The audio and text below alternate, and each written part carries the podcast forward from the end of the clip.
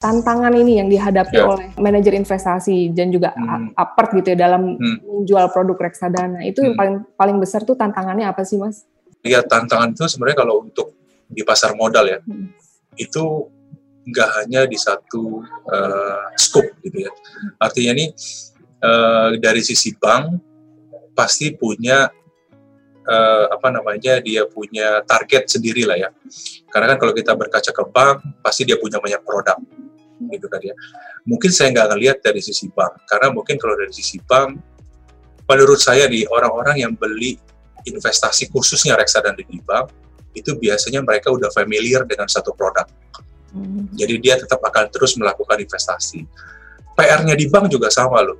Uh, dia agak susah untuk menurut saya agak susah untuk fokus ke namanya satu produk karena dia punya tabungan. Dia untuk DPK gitu ya dia punya produk uh, treasury produk gitu kan dia punya produk uh, apa namanya bank assurance gitu kan hmm. jadi agak kompleks sih kalau kita ngomong ke bank gitu ya tapi kalau kita berbicara dari sisi fintech ataupun dari sisi MI yang fokus on pasar modal gitu untuk untuk uh, literasi jadi menurut saya yang lebih chance yang paling paling besar ada di fintech dan MI. Hmm, Bagaimana okay. Fintech dan MI bisa berkolaborasi uh, untuk memberikan kemudahan dalam melakukan transaksi. Nah ini yang menurut saya yang sangat penting ke depannya, bagaimana kita bisa masuk ke dalam namanya ekosistem. Oke, okay, ekosistem ya. Iya.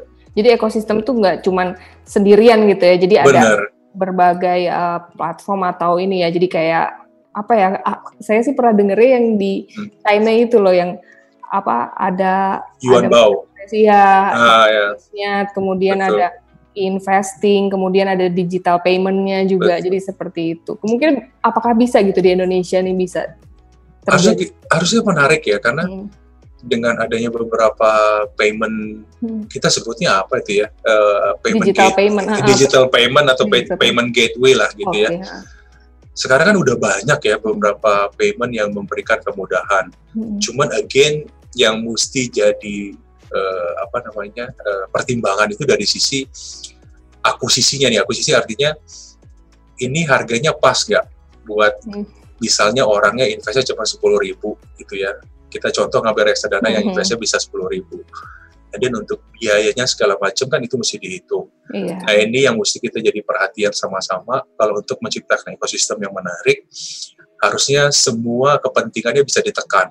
Oke, jadi biaya-biaya itu se seminim iya. mungkin harusnya ya. Bener, karena kan memang tapi memang mesti ngelihat lagi waktu si payment gateway kerja sama bank kan mungkin akan ada timbul biaya yang mm. mungkin harus di, di absorb gitu ya mm. sama si payment ataupun sama si fintechnya ataupun sama MI-nya nanti.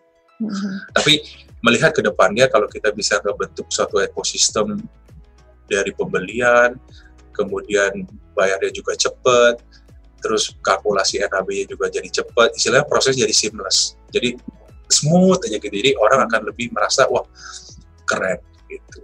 Oke, berarti ini 3,4 juta investor akhir tahun ini optimis hmm. ya mas ya? Harusnya melihat sekarang ya, apalagi kalau kita berkaca, saya melihat kalau saya pribadi melihat ini momen yang nggak akan kita dapetin tahun depan, mm-hmm. momen yang nggak akan nggak akan kita dapetin tahun depannya lagi, which is siklus 10 tahunan itu mulai-mulai kelihatan nih, which is timingnya ini sekarang sebenarnya. Ini yang kita lihat uh, harganya sangat menarik, kemudian aksesnya juga cukup menarik. Kita pernah tertinggi di 6.600 pada saat yeah. itu, pernah turun di 3.900, sekarang di level 5.200, which is saya melihat harusnya ke depannya akan menjadi suatu opportunity yang cukup menarik. Oke, jadi ada opportunity ya.